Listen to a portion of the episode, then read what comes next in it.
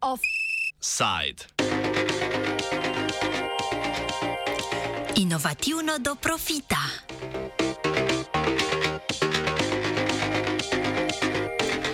Evropska komisija je državam članicam Evropske unije predstavila predlog novega programa Obzorje Evropa.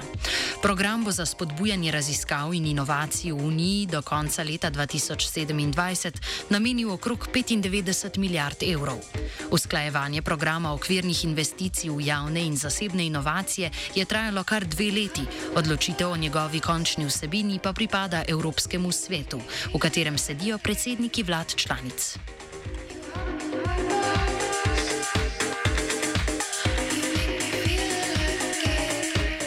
Večji del novega programa vsebinsko nadaljuje program Obzorje, ki se je po sedmih letih zaključil lani. Sestavljajo ga trije stebri: spodbujanje odprte znanosti, spodbujanje odprtih inovacij ter spopadanje z globalnimi izzivi in spodbujanje konkurenčnosti industrije.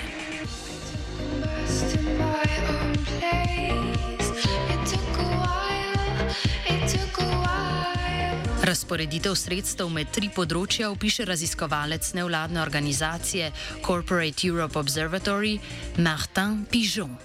The total budget of Horizon Europe, so the new uh, program, is going to be 95.5 billion euros. Uh, and that's a substantial increase compared to the previous one, which was called Horizon 2020, which lasted between 2014 and 2020, whose budget was about 70 billion. So you're talking about uh, a, a, budget that is increasing, and and of course, uh, on the surface, this is a good thing because. Um, I don't know how the situation is in Slovenia, but I can tell you that in France, which is the country where I come from, even though I don't no longer live in it, uh, the working conditions of young researchers, in particular, uh, are really bad, and research careers in general are more and more precarious. It's more and more difficult to get, you know, uh, a decent salary while doing either research or teaching. The problem is that uh, the new Horizon Europe research budget is not going to solve this kind of problems. Uh, there is a budget increase for sure, but not in that department. Uh, public science funding, so the funding going to public research centers, uh, public universities, uh, is actually decreasing in proportion. It used to be 32% of the budget in Horizon 2020, is going to be 26% uh, in this new in this new program. Zadnji stebr je torej najbogateje podprt.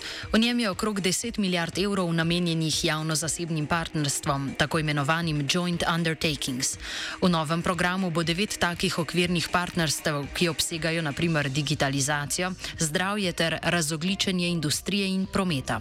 Kot povdarja Mahtan Pižon, so se v preteklem sedemletnem programu prav javno-zasebna partnerstva izkazala za najbolj problematična pri porabi evropskih sredstev za inovacije. EU is using, uh, under pressure from industry groups, industry lobby groups, is using this research policy to finance the research done by companies. Uh, which is, you know, that is a policy option. I mean, uh, governments have the right to do this, but the the, the really the um, so the, the key question uh, that we are asking in this research um, is is this program actually creating new research? Is there an added value for the European taxpayers who's, you know, uh, paying this um, or not? Uh, we're talking about a specific program here, which is called the EU Joint Undertakings. And what we found uh, was very worrying was that uh, industry was basically um, this, you know, uh, steering the direction. They were uh, defining the priorities. They were defining, uh, you know, the general and uh, the general priorities and the annual work plan. So the detailed uh, topics. Administracijo vsakega od devetih partnerstv sestavljajo posebni odbori, sestavljeni iz predstavnikov Unije, članic in industrije ter lobistov. Vsak odbor mora na to preko razpisov financirati projekte. The, each joint undertaking publishes a couple of times a year calls to proposals.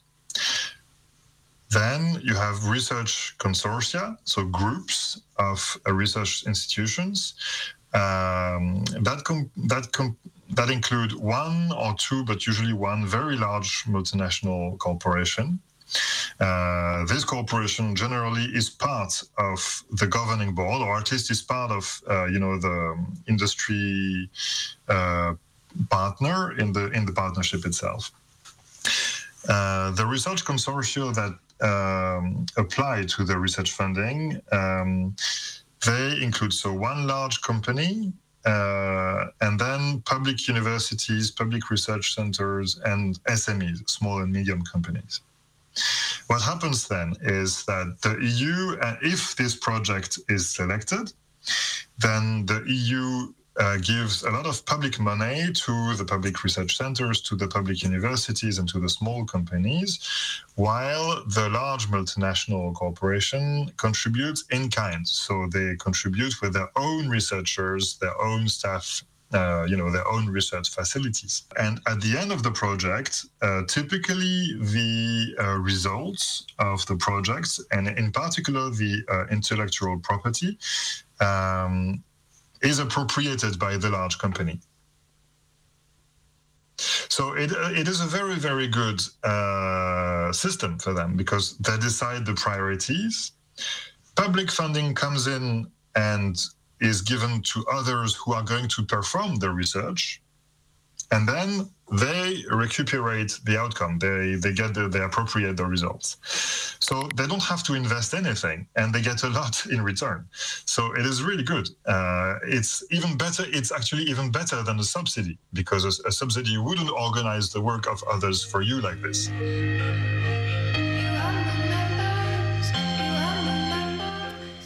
Eden od ciljev teh javno-zasebnih partnerstv je po predlogu komisije zagotavljanje inovacij na področjih, ki niso tržno zanimiva. Z javnim denarjem naj bi privatna podjetja spodbudili k razvoju, naprimer nujno potrebnih zdravil ali zelene tehnologije.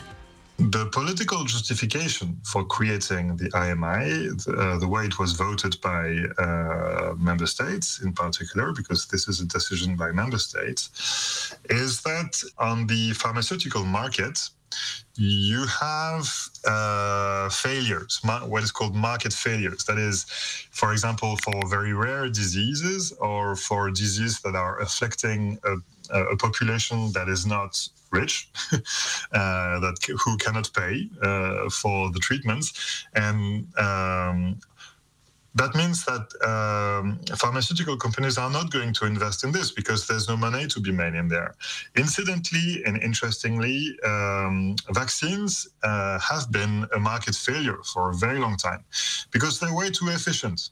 So the IMI was tasked with officially, you know, uh, helping industry develop new medicines for uh, these so-called market failures.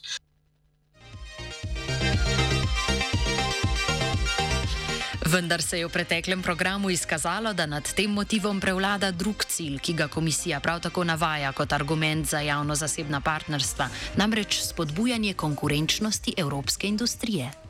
The problem is that you have two political justifications.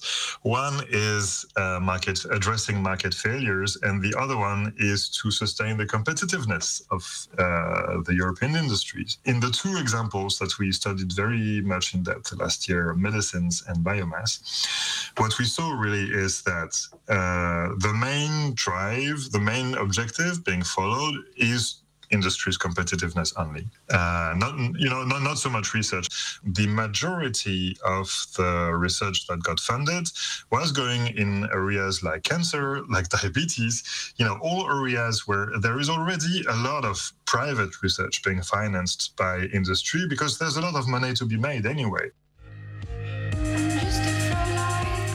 Evropska unija je na primer v preteklem programu financirala razvoj zdravil in drugih farmacevtskih tehnologij, ki naj bi omogočile dostop do zdravil, ki v prostotržnih poslovnih razmerah niso zanimiva za farmacevtska podjetja. Primer takega zdravila je protiglivično zdravilo flucitozin, ki se denimo uporablja za zdravljenje okužb pljuč in sečil ter meningitisa. Zdravilo, ki je na seznamu najpomembnejših zdravil Svetovne zdravstvene organizacije, je eno ključnih zdravil pri AIDS-u. To je bolezen imunskega sistema, smrt pa povzroči prav okužba, ki jo oslabljeni imunski sistem ne ustavi.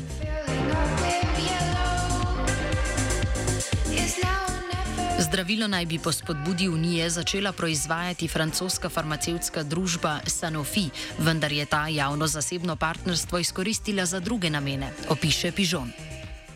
you have dozens of thousands of people who die every year in Africa because they don't have access to flucytosine.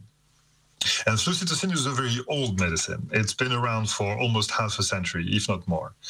The problem is that it's costly. It is quite costly to, to produce. And so the IMI, the Joint Undertaking on Medicines, they uh, gave quite a lot of money to uh, a project um, because uh, the University of Durham in the UK had found a new way of producing flucytosine, which was much cheaper, like three to four times cheaper. Uh, and so the money went to the university and to a small SME in France, because of course, once you have designed the process in the lab, uh, it's not yet enough. You have to scale it up so that you can, you know, use it at industrial scale, and that is difficult. And so they commissioned uh, uh, a small company uh, specialized in the pharmaceutical sector in the region of Toulouse in France to do exactly that. And, and it worked. So uh, this company developed uh, an industrial scale process to manufacture flucytosine at a very low cost, at a much lower cost. The problem is that the, the intellectual property um, of this project now belongs to Sanofi because Sanofi made an arrangement with the university who invented it. And Sanofi is not using this process to manufacture flucytosine. And it's been three years now. It is presumably because I'm, say, I'm saying presumably because we we couldn't prove it, but we saw that this uh, new manufacturing process can also be used to uh, manufacture also uh, on the cheaper side, other medicines that Sanofi is using uh, and selling that are much more profitable. And so our assumption is that Sanofi has simply appropriated this project, which was developed with public funding for humanitarian reasons. And now they're using it to simply make more money with medicines they're making already simply because this new process enables them to cut costs.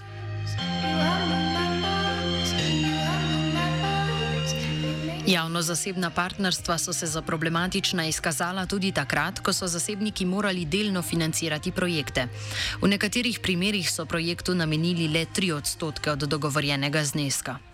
In the previous version of the joint undertakings, you had a bit of a mix of, of situations. For example, in the BBI, the industry was meant to contribute financially to the operational costs of the projects. Uh, but that wasn't the case in IMI, for example. In IMI, um, uh, companies were only participating in kind uh, and contributing a little to the administrative costs. Uh, I mean, yeah. Uh, to give you an, an idea, for example, the total administrative so by administrative costs, I mean the cost of the BBI of the joint undertaking itself in our previous investigation, we show, I mean, we found uh, that the BBI actually, the, the companies participating to the BBI partnership had refused to pay um, because they didn't want their money to feed the competitiveness of other companies. Basically, they didn't want to, they, they were okay to collaborate as long as they didn't have to pay anything, which makes sense when you're a commercial company but from the public perspective, it's a bit of a problem if you're actually, you know, counting on the cooperation of this company. Uh, and the commission tried and insisted and actually got angry at some point to force uh, the companies to pay, but uh, but at the end of the day, they could not. You know, the only thing they could, and which they did eventually, is that they reduced uh, the public funding to the BBI. Ena najpomembnejših sprememb tokratnega programa obzorja. Močno se namreč zmanjšuje minimalni finančni vložek, ki ga morajo v zasebna partnerstva prispevati zasebna podjetja, za kar so tudi intenzivno lobirala. I have evidence in the case of the pharmaceutical sector that they were lobbying against um, uh, participating financially to the operational costs of the project, and they won. So now um, they have kept the same level of influence over you know these partnerships priorities and decisions but they no longer have to pay anything except the administrative costs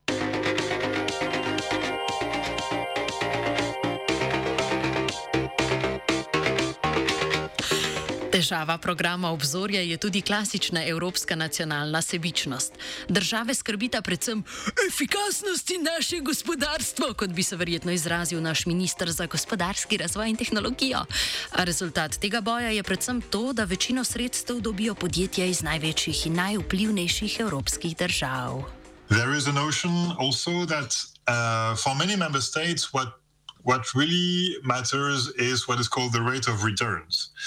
Uh, so basically, how much the companies in their country are, you know, are getting out of this, and um, this, I mean, I, I'm not sure for everything.